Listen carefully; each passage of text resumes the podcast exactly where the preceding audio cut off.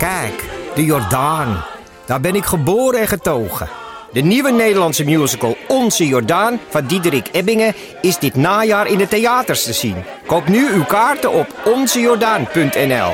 Bla bla bla bla bla bla. Bla bla bla bla. Idealen zijn prachtig, maar woorden verliezen betekenis als je niks doet. Dus laten we met z'n allen wat minder praten en meer doen. Bij Agmea zijn we vast begonnen. Zo gaan wij voor minder verkeersslachtoffers, gezonde werknemers en duurzame woningen. Waar ga jij voor? Kijk op www.werkenbijagmea.nl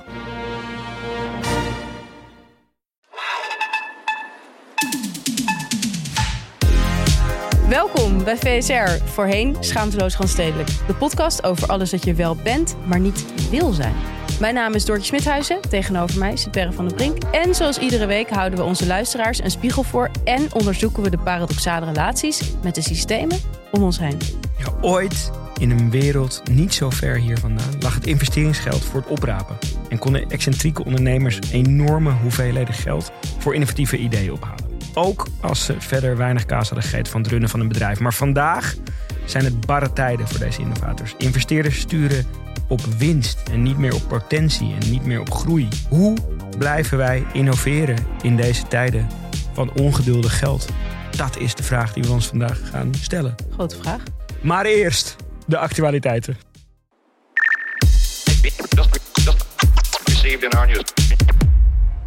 Ik, eh, ik eh, had zin om jou te confronteren met de nieuwe officiële kleur van het komende jaar. Peach Fuzz.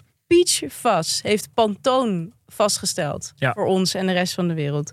Eh, verrassing voor jou? Absoluut geen verrassing nee, natuurlijk. niet. Eh, we hebben denk ik nu anderhalf jaar geleden deze kleur als artwork kleur gekozen. Ja, niet voor niet. Nee. Dat we ervoor voor voelden zat er natuurlijk al, aan te komen. ja, dat, eh, 2024 ons piekjaar zou Ja. worden. ik denk ook dat correlatie, kausaal verband. Ja, dat weet je, Wie zal het nooit zeggen? helemaal zeker. Ja. Eh, maar eh, mooie kleur. Ja. Optimistische kleur in barre tijden. Hele zachte kleur, hè? Het is echt Ja, echt een kleur om, om je aan vast te houden. Knuffelkleur Ja. vind ik het ook wel. Ja. Ja. Ja. dus ik, ehm, ik vind hem echt goed in de tijdsgeest passen. Ook een beetje een brave kleur. Het is een beetje een soort beige. Ja, het heeft een beetje een beige Ja. gevoel. Ja. Ja. Moeten we rebranden? Misschien na dit jaar. Het is wel een beetje voorspelbaar geworden nu. Ja, dat het de kleur ja. van het jaar ook is. Ja, je moet er altijd weer van. Ja, je moet ook altijd weer een beetje van de mainstream wegblijven. We gaan Ja, we gaan, ja, we gaan het hierover hebben. Sports Illustrated. Ja. Ken je dat? Ja, van die bikini modellen. Ja, dat is inderdaad precies waar. Percy Teigen. Ja, de jaarlijkse swimwear cover. Ja, Ehm, dat is eigenlijk het, het ongeveer het enige waar, die, waar, ja waar je het van kent. Ja. Maar het was ooit wel een gezaghebbend sportmedium. Eh, maar inmiddels is het inderdaad alleen nog maar Mhm. daarvan bekend. En zij zijn ehm, op heterdaad betrapt. Oh, leuk. eh, met het inzetten van AI-editors. en... Door jou. Zijn ze door jou op heet? Nee, nee, nee, nee, nee, nee. Nee, door, door de media. Oké. En zo op heterdaad Mhm. was best wel een leuk ehm, eh, stukje. ehm, waarin, kijk, dat, dat er AI wordt gebruikt om media te maken, dat is Mhm. natuurlijk gewoon, dat, daar word je niet- op heterdaad door Ja. betrapt. Dat doet, dat doet ieder eh, groot mediabedrijf. Maar wat zij, dus, wat zij dus hebben gedaan, is dat niet vermelden, maar heel omslachtig maskeren. En wat maakten ze er dan mee? Ze maakten er product reviews van. Dus dat is ook eh, hoe ze het, hoe ze het verdedigen. Is van ja, het is niet dat wij onze cover story hiermee eh, hebben gemaakt. Ja, ja, het is niet dat ze die bikini modellen dan. eh, Nee, nee, dat AI niet. Nee. Maar wat ze dus wel gedaan hebben, is dus de stukjes die, die ehm, AI-gegenereerde stukjes, die hadden editors. En die editors, die, die hadden bio's. Eh, en die bio's die, die beschreven dan wat voor personen dit Ja. waren en waarom zij dan een autoriteit op dat productgebied wat zij recenseerden waren. Eh, dus dan had je bijvoorbeeld een gast die heette Drew en, en eh, in die bio stond dan van Drew likes to, likes to say that he grew up in the wild, which is partially true. He grew up in a farmhouse, surrounded by woods, fields and a creek. Nou, bla bla bla bla bla. Bloemlezing over hoe hij een autoriteit op outdoorgebied is. En Drew recenseerde outdoor producten. Dit ehm, eh, stukje ehm, heeft dus die, eh, die foto's van die editors eh, door een image search eh, gehaald.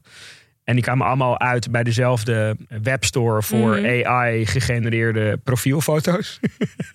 Echt, ik vind het eigenlijk wel geweldig. Ja, en, maar toen, Ja. ze- toen hebben ze dus gebeld van... hé, hey, eh, eh, het Mogen valt we- ons op. eh, mogen we Drew even? Ja, precies. of, is hij, of is hij out camping hiking? Or back Drew, at his parents' niet, farm? Maar ze hebben ze dus gebeld. En toen he- heeft ehm, Sports Illustrated echt alles offline Maar ik vind gehaald. dit wel interessant. Weet je waar het me aan doet denken? Je had bij de markt met de Q, had je van die maaltijden. Mhm. En er stond altijd zo een soort van getekend portretje bij. En dan Van die zo- persoon. zo, Ja, ja, ja. Deze maaltijd is voor jou bereid door Jonas. Jonas vindt het belangrijk. En dan dacht ik altijd echt... Zou Jonas echt Boeien, weet Ja. je wel. zo Van, ik kan toch ook gewoon iemand die gewoon per dag 100 stickers ergens op. Maakt toch niet uit. Het moet gewoon een goede review zijn. Dit waren overigens ook hele slechte reviews. Hè, Huis. Volgens mij gaat het meer nog voor mensen om gewoon dat je een product wordt aangereikt in een bepaalde context of zo inmiddels. Denk ik. Ja, ik weet niet. Ik denk dat er juist nu een soort curatietijdperkje weer ja, aanbreekt, god, toch? ik weet niet. Ik, ga- ik kijk ook nooit op Sports Illustrated. Ik ben nooit op zoek naar eh Sportproduct. eiwitpoeder of weet ik veel wat Nee. Drew allemaal eh, voor mij had kunnen recenseren. Maar Maar jij maakt je vanuit journalistiek oogpunt niet zorgen om zoiets als dit.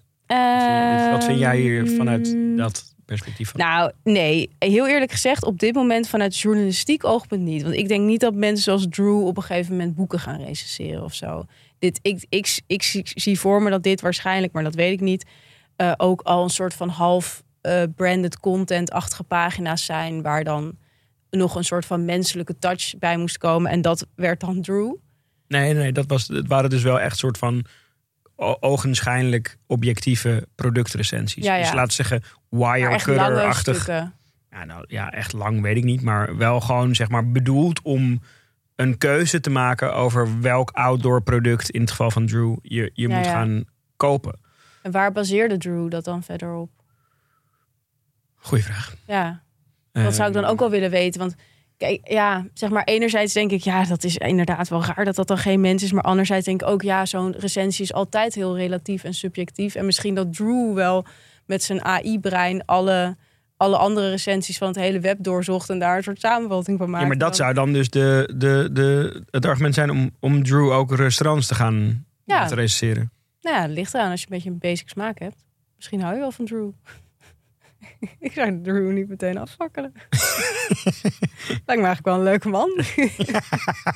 Hij had een hele glazige... Het was ook echt een... Heel makkelijk Ik vond het een hele slechte AI-foto. Hij had een heel glazige, lege Oh, dit is hem. Ja, Oh, ik had niet hem, zien dat hij er ook bij stond. Ja, we kunnen hem ook wel even delen. Ja. In, in, in, eh, Goh, hij ziet er precies zo uit als ik dacht. Echt precies. ja.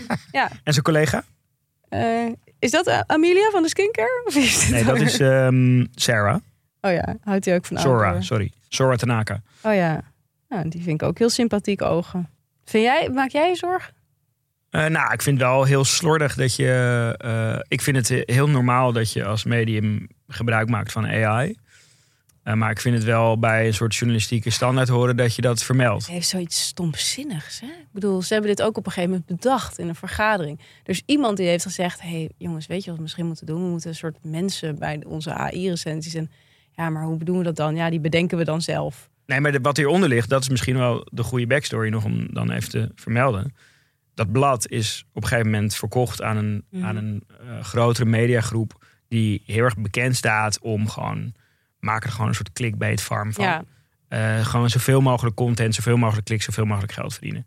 Eh, terwijl er, ehm, het heeft wel een soort karakter, dat, dat, dat blad. Het Ja. heeft een soort historie. En zij zijn dus sindsdien allemaal mensen aan het ontslaan. Ehm, en met dit soort oplossingen aan Ja. komen. Dus dat is eh, zeg maar, dat is waarom ik vraag van wat vind je ervan? nee, ja het- Ron Simpson zou dit ook doen, toch? Die doet het al. Ja, nou, dat is ook een slimme zakenman. Doortje Smithuizen maakt zich geen zorgen over me op AI. dit moment geen zorgen over, Heel goed. over Drew. Al mijn AI-actualiteiten hebben gewerkt. over Drew. Ja. Je bent een tech-optimist geworden. ja, ik ben een enorme optimist. Ik, ga, ik, maak, je- ik ga je weer, weer wat pessimistisch maken. Want Oké. Sherida Spitsen Mhm. is record international oranje vrouwen. Ja, dat wist ik dan nog net. Die was de gast in Studio Voetbal. Mhm. Het ging over eh, carrière. Het ging over wat ga je eh, na je sportieve carrière Ja. doen. Zij sprak haar ambitie uit. Ik wil trainersvak in. Maar mij lijkt het leuker om in het mannenvoetbal te gaan Mhm. trainen. Dat kon niet op heel veel bijval rekenen van Pierre van Hooydonk. Ja. Dat ontaarde in een soort hele... Wat zei hij dan? Hij zei, ja, dat, dat, dat, dat kan helemaal niet. Maar het Nee? voetbal is een haantjeswereld. Oh, Daar, grappig. kan- daar kunnen vrouwen niet in werken. Echt? Ja. Ik, ik kan me niet voorstellen dat er een, een dat Serena Wiegman Mhm. in de kleedkamer stapt eh, bij eh Rafael van der Vaart. Maar waarom niet? Weet je, eh, als jij, als jij dan waarom, zegt waarom niet... dan vraag ik af of jij wel eens in een, in een mannenkleedkamer hebt gezien. Zie jij het wel voor je, Sherida? Ja, ik snap het ook niet. Kijk, en, nou ja, kijk, dan ja, maar ik denk dat het, dat het wel kan, omdat je naar kwaliteiten moet kijken. En je moet niet naar kijken of het nou een man of een vrouw is. Je moet kijken naar de kwaliteiten. En tuurlijk heb je een bepaalde wereld waar je in bevindt. Maar dat betekent niet dat dat of de, de man nou meer kan dan een vrouw. Bij wijze van. Dat vind ik met name. Nee, maar het gaat om een stukje eh, geloofwaardigheid... wat je moet hebben ten opzichte van je spelersgroep. En Dus jij denkt dat als een vrouw voor een groep staat bij de mannen... dat zij geen geloofwaardigheid heeft met wat ze laat zien. min, minder dan een man. Maar dat moet je dan En, toch maar en- waarom maar, dat is, ja, waarom, maar dat is niet zo belangrijk. Het gaat erom dat het zo is. Wow. Ja, dit is een Hoe editorial hier voor jouw podcast. My god. Maar dit is wel, het is zo'n goede illustratie van hoe een old boys network in stand bl- blijft. Dat idee van dat mannen alleen mannen kunnen trainen omdat mannen nou eenmaal geloofwaardiger zijn. Dan vraagt zij, ja, hoezo is dat zo? Zegt hij, ja, dat is gewoon zo. Dat hoef ik niet uit. Daar, Ja, daar gaat het niet verder om. Ja, dat weet je gewoon. Als je daar zelf hebt gestaan, dan weet je dat. En dat is... Kijk, het kutte ervan is dat het... zij- Ik vind dat zij het heel goed doet, trouwens. Zij, zij, dat zij heel goed eh, reageert. Ze wordt niet super boos, maar maakt wel duidelijk dat het echt belachelijk is. Maar toch is dit weer voedingsbodem voor dat idee. Mhm. En daarom is het zo, zo stom dat iemand- Voedingsbodem voor... Nou, voor dat idee dat dat niet kan. Of dat, dat, dat inderdaad vrouwen geen mannen kunnen Omdat trainen. dat is wat blijft hangen, bedoel je? Ik denk dat dat bij veel, veel mensen blijft hangen, ja. En ik denk ook dat veel mensen denken van... ja, het is toch gewoon zo. Hij zegt het gewoon hoe het is. Ja. Terwijl het is ook zo omdat we dat allemaal blijven denken, snap je? En als we Mhm. een keer wel dat proberen... dan kunnen we zien of het echt zo is. Nou, dat, zal, dat is niet, niet ver weg meer. Eh, ja, ehm, dus, dus eh, laten we hopen dat het snel Ja. gebeurt en dat het succesvol gebeurt. ik ben wel echt benieuwd hoe de reacties hierop zijn naar hem. Nou, ik heb nog eh, eh, vanmiddag een beetje zitten, zitten zoeken en ehm, wel op social. Ja. Toch even kijken. Nou ja, teleurstellende resultaten. Gewoon meer soort bijval dan... dan... Terwijl vrouwelijke voetballers, hoorde ik vanochtend op de radio... krijgen zoveel haat altijd Ja. over zich heen online. Als ze gewoon puur omdat ze spelen. Ja, nee, dat, toevallig, toevallig dit weekend was er ook een campagne van Ajax en volgens mij nog Mhm. meer organisaties in betaald voetbal. Ehm, ook tegen die online haat. En dat ging Ja. onder andere inderdaad over wat vrouwenvoetballers. Ja, over maar dit, krijgen. dit, dit faciliteert dat weer, die man-vrouw verdeling. En dat hij dan zegt van ja, dat is gewoon een hele andere wereld. Ja, zo dom. Ach. Ja. Nou, ik ben weer helemaal pessimistisch ervan. Oh, heb ik toch weer de Ja, sfeer. eh, je nee, was, nee, je was is een- je was een ja, tech-optimist. Je bent nu een Ach, femi-pessimist. ja, precies. Je gooit er een kwartje in en de sfeer draait. Kijk, ik heb weer, dan, zullen we naar een andere kant op gaan? Ja, ik wil het een beetje gelijkmatig. Oké, we gaan het even nu eh, gelijk trekken. Mhm. Ehm, is het eens opgevallen ehm, in de afgelopen twintig jaar Ja, als jij naar het. Doe je ogen dicht en, en, en beeld het straatbeeld van de afgelopen twintig jaar eh, voor je. ja. En in een soort van graduele morph-animatie Mhm. gaat dat van, van 2003 naar 2023. Zie jij heel veel verschil? Nee, nee, Nee. helemaal niet. Het is precies wat je houdt, toch? Wat grappig dat je. Ja, dat je- ja. Want dat, dat is precies wat deze digital eh Precies jouw schrijft. punt. Ja. Nee, het was wel een, een, een leuk stukje wat moeite waard om even te lezen. Mhm. eh, waarin, eh, alle gekheid op een stukje, dit punt dus gemaakt wordt. Mhm. Van, eigenlijk als je de jaren eh 60 en 80 met elkaar vergelijkt. En je kijkt naar jeugdcultuur en hoe Ja. dat zich uit. Dan is dat echt een soort totaal andere wereld. Dan hebben we het over een soort hippie-cultuur Mhm. versus eh The Cure jaren 80 look of zo, weet je? Of glam rock of weet ik wat. Echt enorme verschillen. Ehm, terwijl als je 2003 versus 23 2023, dat verschil is echt relatief marginaal. Ja, Ehm, en zij verklaren dat dan aan de hand van dat er eigenlijk, ja, dat we nog steeds in hetzelfde kutsysteem leven als Ja. in 2003. Ja, dat wou ik net zeggen. Er is gewoon minder, misschien gewoon minder veranderd politiek Ja. gezien. Of qua, ook qua grote moderne ontwikkelingen. Ja, dat was, dat was de ene kant van de medaille. Ja. En de andere kant van de medaille ehm, is eigenlijk de soort van collectieve ervaring van tijd. Mhm. Eh, dus dat in die, eh, ja, laat zeggen jaren 60, jaren 80 of zo, dat er een veel soort meer lineaire ervaring van tijd was. Mhm. Eh, en waardoor dat soort jeugdculturen ook veel allesomvattender aanwezig waren. Of zo. Ja, ja, ja. Ehm, terwijl nu zit iedereen gewoon in zijn eigen ding of zo. En is er, er is geen gezamenlijke ervaring meer of Mhm. zo. Ehm, en eh, doordat er dan geen dominante massacultuur is, uiten mensen zich dus ook minder met hoe ze eruit zien. Oh, oké. Dus het, het- we zijn gewoon Saaier geworden. average geworden. Ja, oké. Nou, heerlijk. Ik ben dol basic kleren. Ben jij nu ook weer van, want je ging van optimistisch naar pessimistisch en nu weer naar average? Ja, nu gewoon normaal. Neutraal. Ja. nou, dan ga ik je nu weer even omhoog trekken.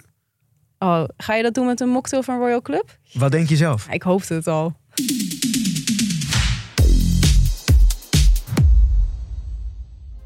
Het is, een, het is een dag waar wij ontzettend naartoe leven. Sowieso met het hele bedrijf, maar wij natuurlijk gewoon ook als podcastmakers. Het grote Podimo-feest. Aanstaande. Eh, ja, aanstaande donderdag. Dus de dag dat deze podcast uitkomt, is het. Terwijl jij ehm, dit luistert, zitten wij Staan aan wij misschien op het Podimo-feest. En het is natuurlijk voor ons, wij zijn hardwerkende professionals. Dat is ook altijd lastig. Jij drinkt sowieso niet. Nee. Ik drink niet zo heel veel. En je hebt toch nooit zin om dat gesprek te voeren van... oh, waarom drink je niet? Eh, kom jij hier de feeststemming eh, verpesten? Wij zijn allemaal lam. Ja, Jij staat daar weer met een spaatje. jij nou, er aan de zijkant staan. precies. En ook een beetje zo'n uitstraling van... kijk mij nou met mijn cola of zo. Nou, daar heeft dus Royal Club heeft daar iets geweldigs op gevonden. Namelijk de Royal Club mocktails. Mhm. Die zijn er in de smaken. Mojito, gin tonic en ginger moe. Gewoon een soort van alcoholachtige smaken, maar dan dus 0% alcohol, 0% suiker. Het is eigenlijk gewoon de perfecte vervanger voor een alcoholische drank tijdens een borrel en zeker tijdens feestdagen. Want je wil gewoon niet elke avond lam worden. Nee, Misschien wel, maar ik liever niet. Ik niet. En da- daarom drink ik maar ik dan wil wel die verbinding met Je wil wel die verbinding, je wil wel die gezelligheid. En daarom sta ik gewoon lekker deze donderdag met een ginger moe aan de bar. Probeer nu de nieuwe mocktailblikjes van Royal Club. Dat is eigenlijk resume wat we hier van je vragen.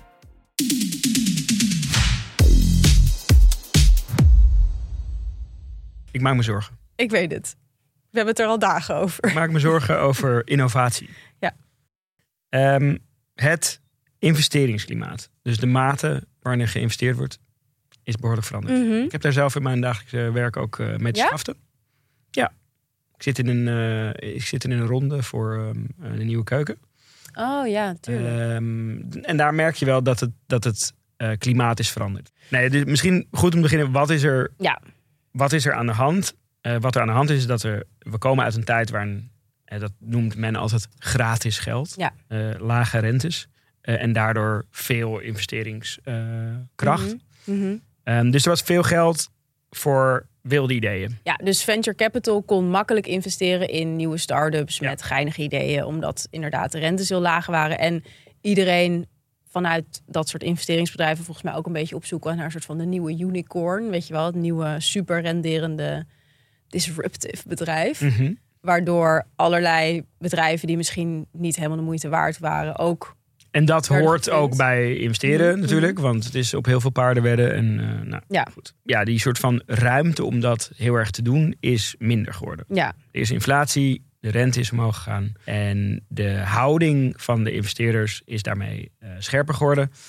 Wat op zich, zeg maar, het is natuurlijk op zich een gezonde ontwikkeling. Ja. Dat, er, dat er gewoon kritisch gekeken wordt. Is iets levensvatbaar? Mhm. Is er een product market fit? Dat, dat, dat, dat, dat is niets geks. Eh, maar wat voor effect dat dan heeft, is nou, bij, bij nieuwe investeringen stappen investeerders gewoon veel minder makkelijk eh, Ja. in. Ze willen eerst eigenlijk proof of concept zien. Eh, dus er moet al ja, een zekere vorm van product market fit zijn. Er moet al omzet zijn. een beetje zoals de NPO-programma's goedkeurt.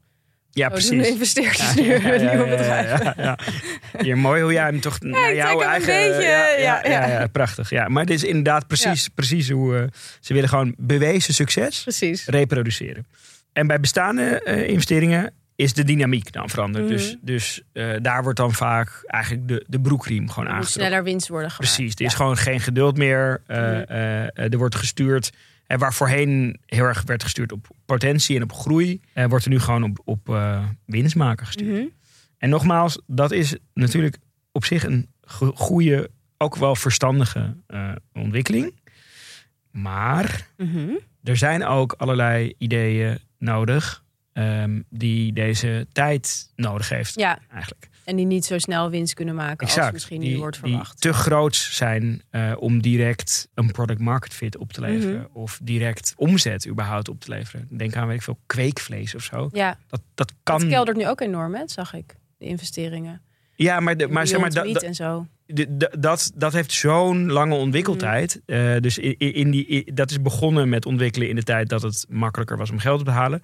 Maar zij zijn nog lang niet klaar. Het, Nee. de, de, de, zij, op een gegeven moment hadden ze een hamburger die dan in de supermarkt 1000 euro Ja, zou kosten. ja, ja. Dat moet gewoon naar, naar, naar 3 euro toe. En dat heeft gewoon heel veel tijd en Mhm. geld nodig. En, en eh, die tijd en dat geld is er dus ehm, eh, niet meer. En dat vertraagt eigenlijk dat soort innovaties. Die dus, nogmaals, fucking hard nodig zijn in deze tijd. Dus nou, bijvoorbeeld kweekvlees. Bijvoorbeeld dingen grootscheepse soort van modesysteemveranderingen. Of zoiets als Lightyear. ehm, het idee van studenten van Mhm. Eindhoven. Niet Weet je het zeker? Ja, ik begin meteen weer te ja, twijfelen.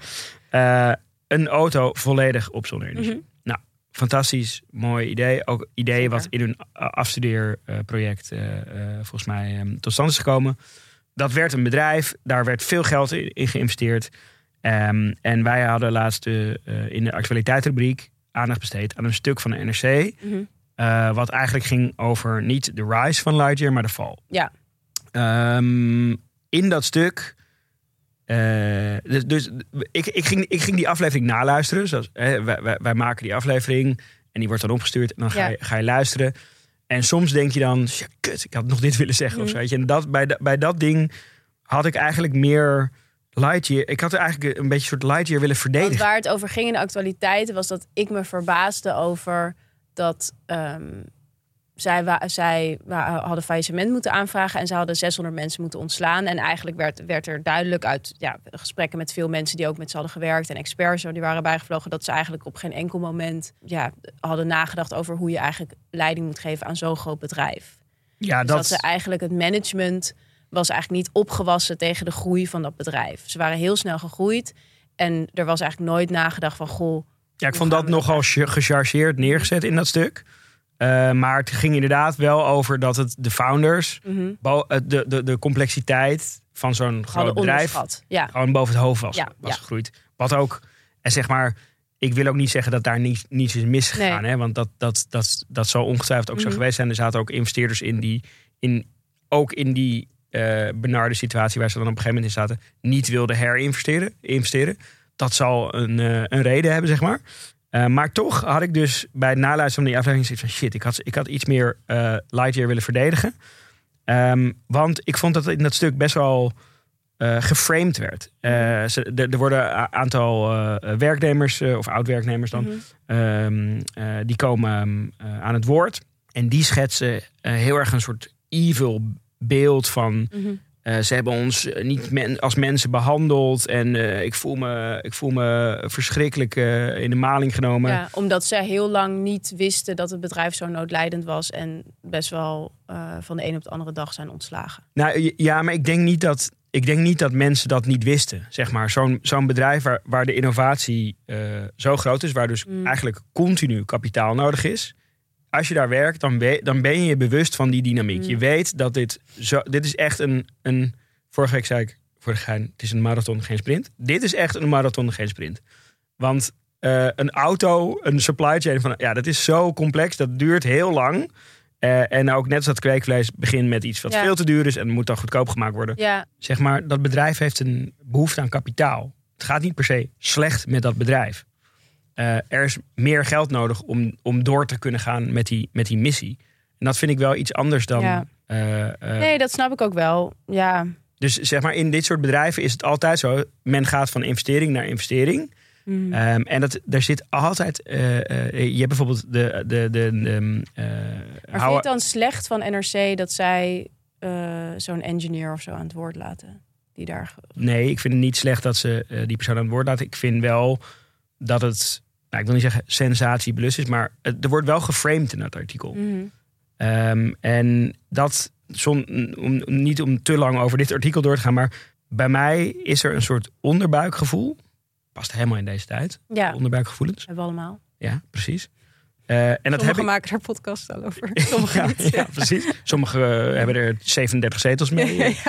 Eh, ik had gewoon een onbestemd onderbuikgevoel hierover. Onbestemd. En dat is dat die soort berichtgeving over innovatie en start- en scale-up ehm, eh, eh, cultuur een beetje eh, met alle winden meewaait. En dan vooral met eh, De negatieve wind. ja, en zo van als er 200 miljoen wordt opgehaald, dan is het Hosanna. En als er zwaar weer is, dan was het eigenlijk altijd al een kutbedrijf. Ja, nou ik denk wel, kijk, want dat vind ik interessant dat je zegt van ja, NRC is er een soort van als de kippen bij als het, als het slecht gaat met dat Lightyear. Maar ze waren er ook als, als de kippen bij toen het goed ging met Lightyear, Ja. zeg maar. Dus toen het werd opgericht, ze hebben echt elk, elke, elke nieuwe velg die, die die Lightyear jongens ontworpen hebben, hebben zij ook over bericht. Dus in die zin vind ik het niet dat er alleen maar ja, over wordt bericht als het slecht gaat met zo'n start-up of als het slecht gaat met zo'n onderneming. Maar wat je wel ziet, is dat het gewoon, ehm, of tenminste dat idee heb ik dan weer, dat er eigenlijk een soort van ehm, verband is tussen hoe het economisch gezien met ons gaat en hoe we Hoe de vlag erbij hangt. ja, en hoe we naar start-ups kijken en hoe we ook in de media over start-ups schrijven en over ondernemingen schrijven en over werken schrijven. Want ik heb nu voor de Volkskrant een soort, soort eindejaars eh, stuk geschreven over de Van Moof. Toen vroegen ze of ik dat leuk vond ergens in september. Toen dacht ik, ja, leuk. En nu dacht ik, oh ja, ik moet dat stuk nog schrijven. weet je? Dan is die Van Moof ook ineens... Die trek je dan wel zwaar achter. En dat je die nog een keer uit de gracht Uit moet de- halen. Weet je wel. Nou goed, nog één keer over de Van Moof hebben. En eh, toen heb ik even gewoon gekeken, bijvoorbeeld hoe het parool eh, eigenlijk door de jaren heen over Van Moof heeft geschreven. En dat is zo grappig eigenlijk om te doen. Want als je nu denkt parool van Moof, dan denk je haat, weet je wel, gewoon symbool van ongelijkheid en alles wat gentrificeerd en slecht is, zeg maar. Maar rond de oprichting in 2009, dat is eigenlijk vlak na de financiële crisis. Nou, dan, dan, dan is het parool echt gewoon mega kritiekloos. Zeggen ze, nou, Hufter-proof model fiets, super duurzaam, ingebouwde zonnecellen. En uh, de lamp is zo sterk dat er een Boeing 747 overheen kan rijden. Dacht ik wel, hebben jullie dat getest of zo? Weet je dat? Maar, prima. Nou, en dan uh, is het even zeven jaar stil, want dan zijn ze die fietsen aan het ontwikkelen, zeg maar. Nou, dan zeven jaar later, oh, Van Moof heeft een, uh, heeft een vestiging in New York, super vet. Uh, dan hebben ze ook nog weer een langer stuk over, oh, wat een slim design. Oh, diefstalbestendig, fantastisch. Nou, ondertussen is elke miljoeneninvestering is gewoon weer een nieuwsbericht in het Parool. Mhm. Dan 2020, is echt best wel kort geleden. Parool weer jubelend. Oh, de MacBook Air onder de stadsfietsen. En uh, Van Moof gaat de fietsenmarkt veranderen... zoals Tesla de auto-industrie op zijn kop heeft gezet. Ja. Dan nog, eh, nog geen drie maanden daarna... Ja. Hebben ze een heel groot stuk over die bike hunters. Ze zeggen van, oh, die bike hunters, wat een vlotte jongens. zijn er vijf in Amsterdam. Ze studeren. En ze hebben ook altijd een slijptolletje bij zich om die Van Moof. Het zijn een soort Robin Hoods eigenlijk, weet je wel. Ze vinden het allemaal fantastisch. Nou, en dan opeens, of ja, opeens heb je eind 2021 mogen die oprichters nog een interview geven dat ze niks verdienen. Oké. En dan begin 2022 is ineens de kop goed verdienende woningbezitters met een Van Moof en een Tesla voor de deur steeds dominanter mm -hmm. in Amsterdam. Mm -hmm. En dan weet je, oké. Okay, maar dit is precies wat ik bedoel. Het gaat down. Maar goed, wat gebeurt er in 2022? is ongeveer het jaar met de meeste inflatie, volgens mij sinds 1975 of zo. Echt ongekend uh, uh, economisch gedraaide wind, zeg maar. En dan is het natuurlijk ineens... Ja, we vinden start-ups allemaal vet...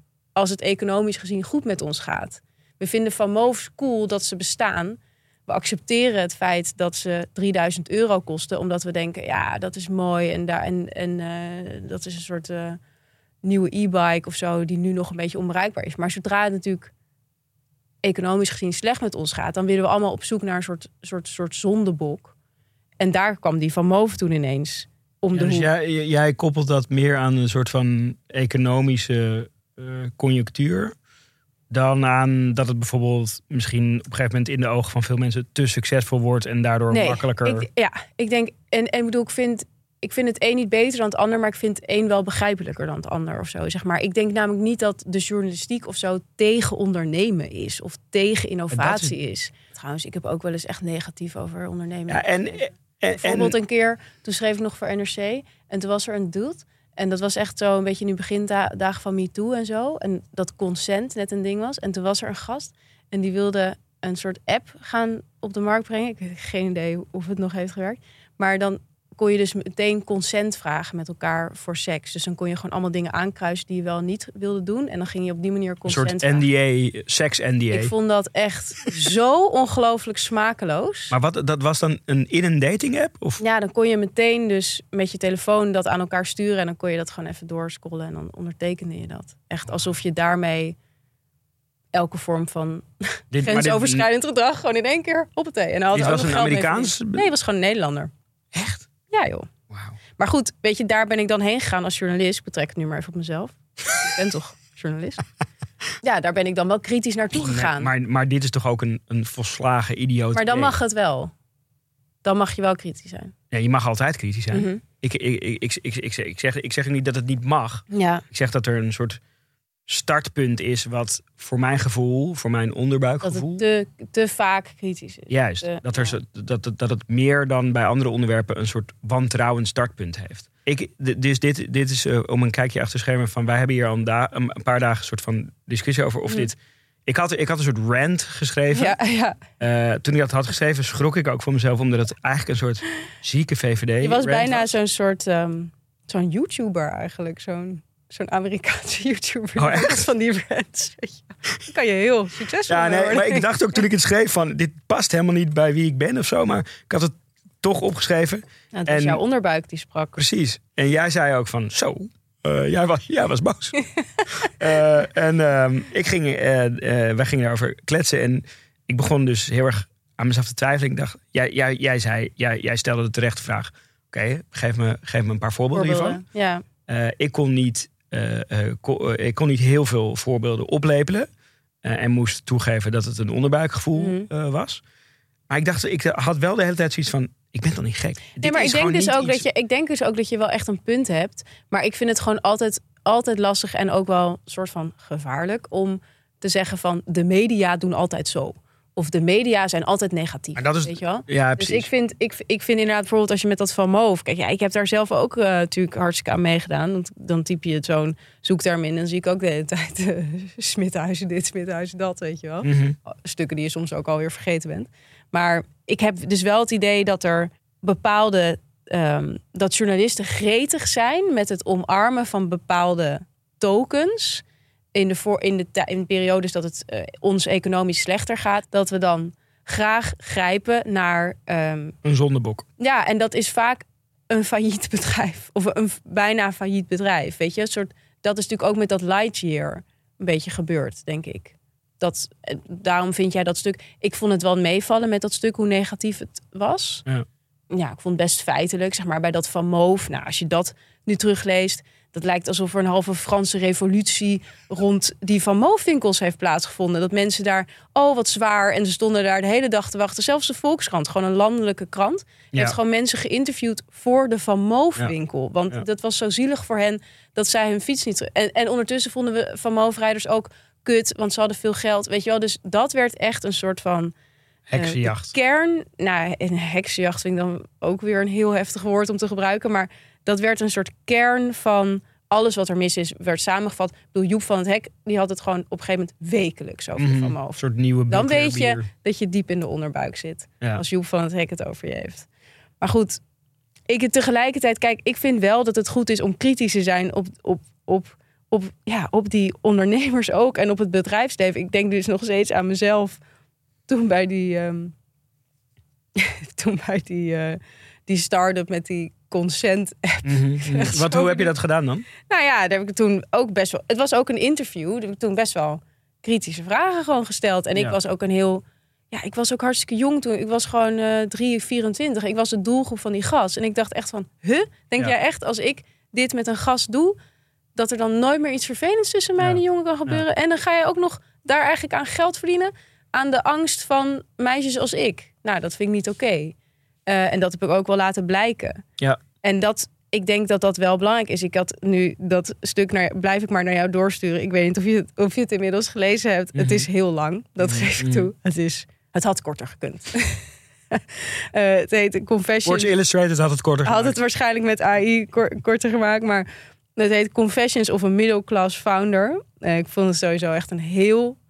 Ik vond het bijna een soort soort Charles Dickens-achtig verhaal. Ik vond het zo goed geschreven. Maar daarin beschrijft dus ehm, een, een start-up founder hoe hij ja, eigenlijk dus in die piek eh, investeringstijd, dus ja, een, een jaar of vijf geleden of zo, Ja. dacht hij: Weet je wat, ik wil gewoon rijk worden.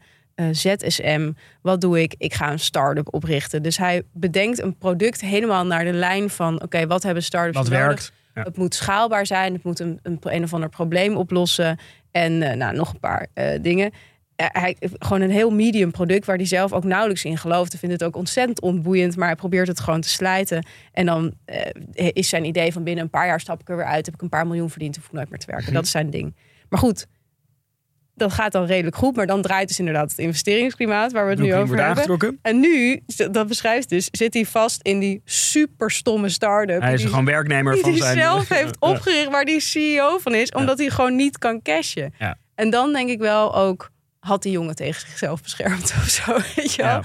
Soort, ja, ik vind het goed dat we dus kritisch zijn, ook om, omdat Ja, er dus maar- dit soort situaties ontstaan. Ja, ja, nee, zeker. Nee, maar daar, daar ben ik het ook helemaal mee eens. En, en voor mij zijn, zijn die twee voorbeelden een soort van... Dat is echt het, het verschil tussen een soort shine en haute couture of zo. Weet je? Mhm. van, zoiets als dit is, is, is, is voor mij iets heel anders dan mensen die hun tijd en talent besteden aan ideeën die eh, eigenlijk de problemen van deze tijd proberen niet op te lossen. Want dat, is, dat, dan maak je te groot Ja, maar in ieder geval een bijdrage te leveren aan, aan die oplossing. Want die problemen zijn dermate groot dat niet alleen overheden dat kunnen doen, Mhm. maar dat het bedrijfsleven daar ook eh, zijn steentje aan moet bijdragen. En dat is voor mij wel echt een heel groot eh, verschil of zo. Nou ja, en de, ik, ik, ik denk dat dat gewoon het lastige is van wanneer zijn die, is een start-up dan goed en wanneer is een start-up dan slecht of zo. En wie, wie bepaalt, wie bepaalt Nou, voor mij is er wel een heel groot verschil tussen, tussen, li- eh, tussen een, een op zonne-energie gedreven auto ontwikkelen ja, eh, en ik wil rijk worden, dus ik ga. Nee, ja, tuurlijk. Maar dat zal natuurlijk ook geen, geen enkele eh, eh, oprichter zal dat natuurlijk ook toegeven. Daarom is dat stuk ook zo goed. Maar kijk, bijvoorbeeld zo'n start-up als, als, als Flink en al die, die, die Ja. Die zegt ook van, weet je wel, wij lossen echt problemen op. Want Mhm. bijvoorbeeld alleenstaande moeders of Ja. zo, die kunnen dan geen luiers Ja. kopen. Oh, dan zijn wij er. En dat is allemaal supergoed. Nou, daar heb ik op, een, op een gegeven moment ook onderzoek eh, naar gedaan voor een, voor een stuk.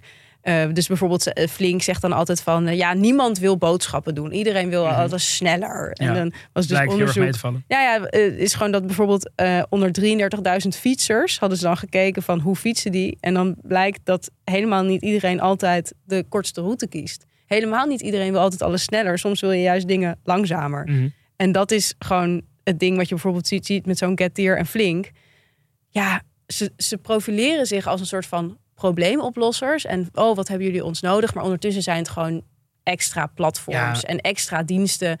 die echt ons leven niet super veel beter nee, nee, maken. maar zeker. Nee, maar dat, voor, voor mij valt dat in diezelfde categorie als, als, Ja. als, eh, als dat consent-ding. Van, dat is een, een fictief Nou ja, probleem. en dat is, denk ik, dat is denk ik waar we nu een beetje in zitten. Dat we inderdaad, we komen uit een landschap waar nou geld gaat. Geld is nooit gratis, eh, helaas. Maar eh, waarin het inderdaad dat soort bedrijven heel makkelijk investeringen. Ik bedoel, die jongen van het uit New York Magazine kon ook met zo'n hele suffe start-up ook miljoenen binnenharken. Geen probleem. En nu komen we eigenlijk in een landschap waarin die, die, die start-ups die zijn opgepompt Mhm. eigenlijk langzaam leeglopen, zeg maar, in, in het publieke domein. Dus je, ziet het gewoon bijvoorbeeld met die flitsbezorgers, zie je gewoon hoe dat steeds een beetje Ja, die, wegerodeert. dat, heet- dat Je ziet er nu ooit mode, nog een flink bezorger. Zij zitten in zombie mode. Nou, is er- beetje- Zij bestaan voort, maar ze zijn eigenlijk... zijn er eigenlijk Nee. al niet meer. En ik vind zelf altijd het ultieme bewijs dat zeg maar een grote investeringskapitaal in het begin van je bedrijf geen garantie is op succes. En ook niet dat je bedrijf eh, bestaansrecht heeft. Eh, vind ik altijd de app Yo. Ken je die? Dat Ja. is de app Yo. Die is dus tien jaar geleden eh, opgericht. En die wist één- anderhalf miljoen op te Mhm. halen in één Mhm. investeringsronde. En kreeg een geschatte waarde van 10 miljoen zelfs. En het enige wat je met die app kon, was yo Mhm, sturen naar een vriend. Ja, Dat is het enige. ja. Maar mensen waren zo bezig met, ja, maar misschien, ja, wie weet wordt dit wel een soort culthit of Ja. zo, weet je wel. Ja, en uiteindelijk heeft Jo nog wel een paar jaar bestaan. Goed, met andere woorden, ik ben het wel met je eens dat we niet, ja, dat, dat, ik vind de media soms ook zuur. Ik vind mezelf soms ook wel zuur, denk ik. En dat dat, dat misschien, ja, soms wel eens wat minder kan. Ja, dus wat is nou het alternatief op deze rant? Daar gaan we het zo over hebben. Ja. Maar eerst iets wat ons bestaansrecht even ehm, verzekert. Ja. Eh, want ook wij moeten op winst sturen in deze, in deze barre tijden. En niet op omzet alleen. De tweede advertorial.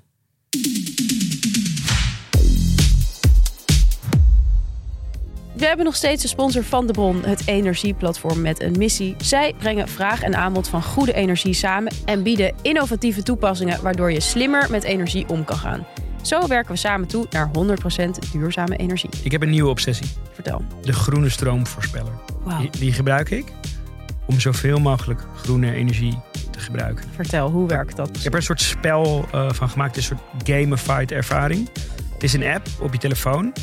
Eh, en die laat voor vandaag en morgen een voorspelling zien van hoeveel groene stroom er eh, waarschijnlijk wordt opgewekt die dag.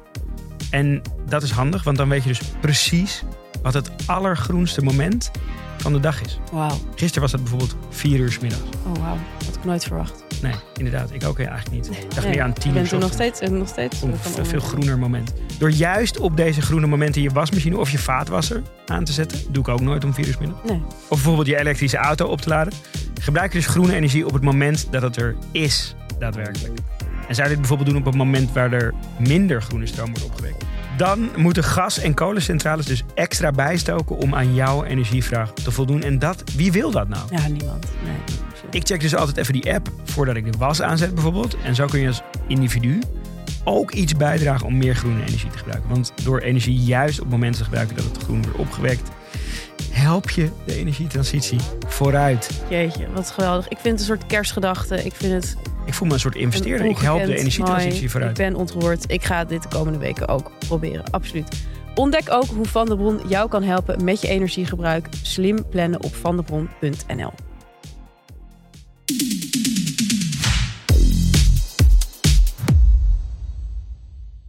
We hebben de realiteit van dat aangescherpte investeringsklimaat. Mhm. Ehm, en we hebben de realiteit van extreem grote maatschappelijke uitdagingen. Ja.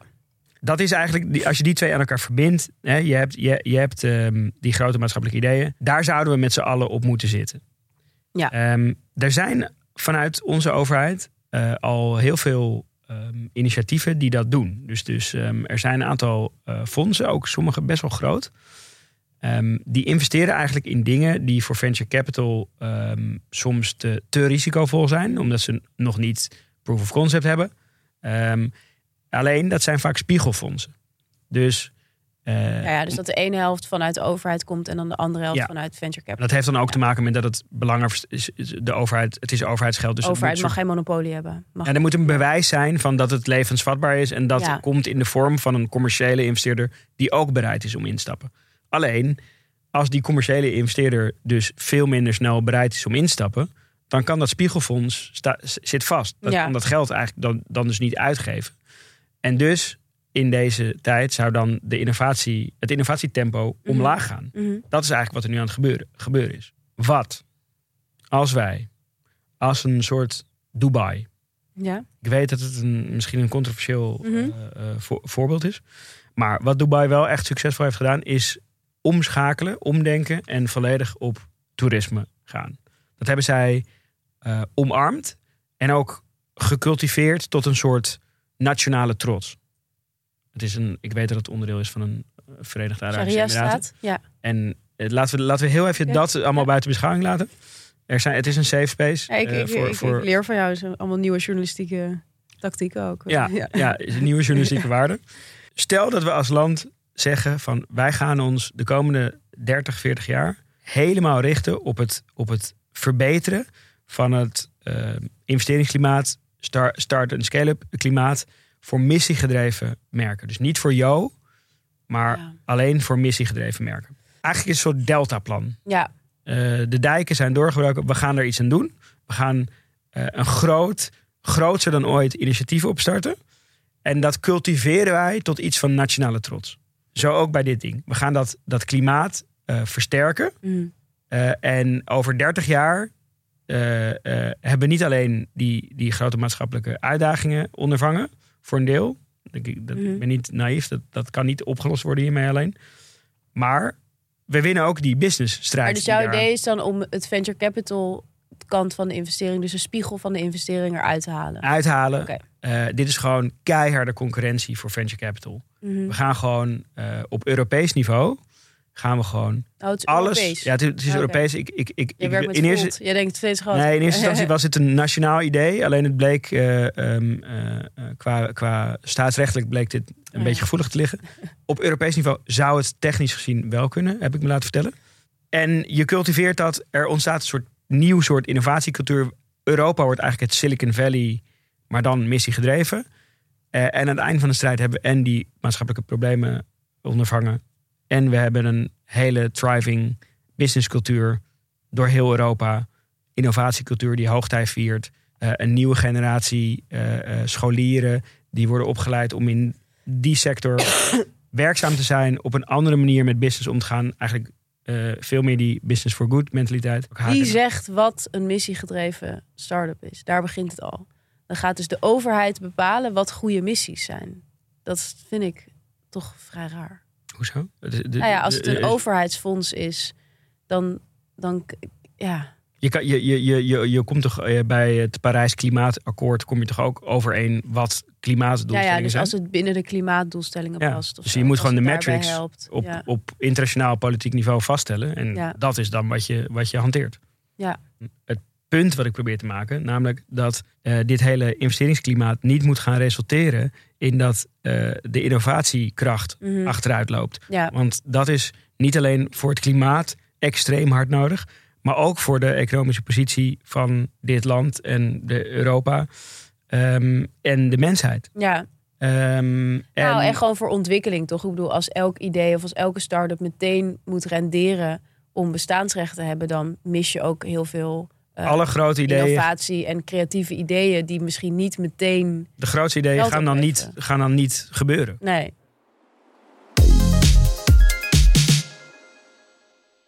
Sports Illustrated, waar we het eerder over hadden. eh, waar eh, Drew onder andere werkte. En Zara. Onze aller Drew. Ja, de uitgever heeft de CEO daar ontslagen vanwege het AI-schandaal. En de onmaskering van Drew eigenlijk. Ja. Eigenlijk kan Drew naar zijn baan fluiten, denk ik. ja. Wat gaat hij, ja, hij gaat gewoon lekker kamperen met zijn Ja. ouders. Boeit het Hij hem? was, eh, Hij is sowieso liever outdoors, Drew. precies. Uit een heel andere. Het, gaat, het zal vast goed met hem aflopen. En dan nog één heel kort ander ding. Sky Showtime, bekend van onze eerdere advertenties, die hebben nu een geweldig aanbod voor de decembermaand. Want kom aan, wat ga je verder doen deze maand dan? dan gewoon tv kijken en wachten tot het voorbij is.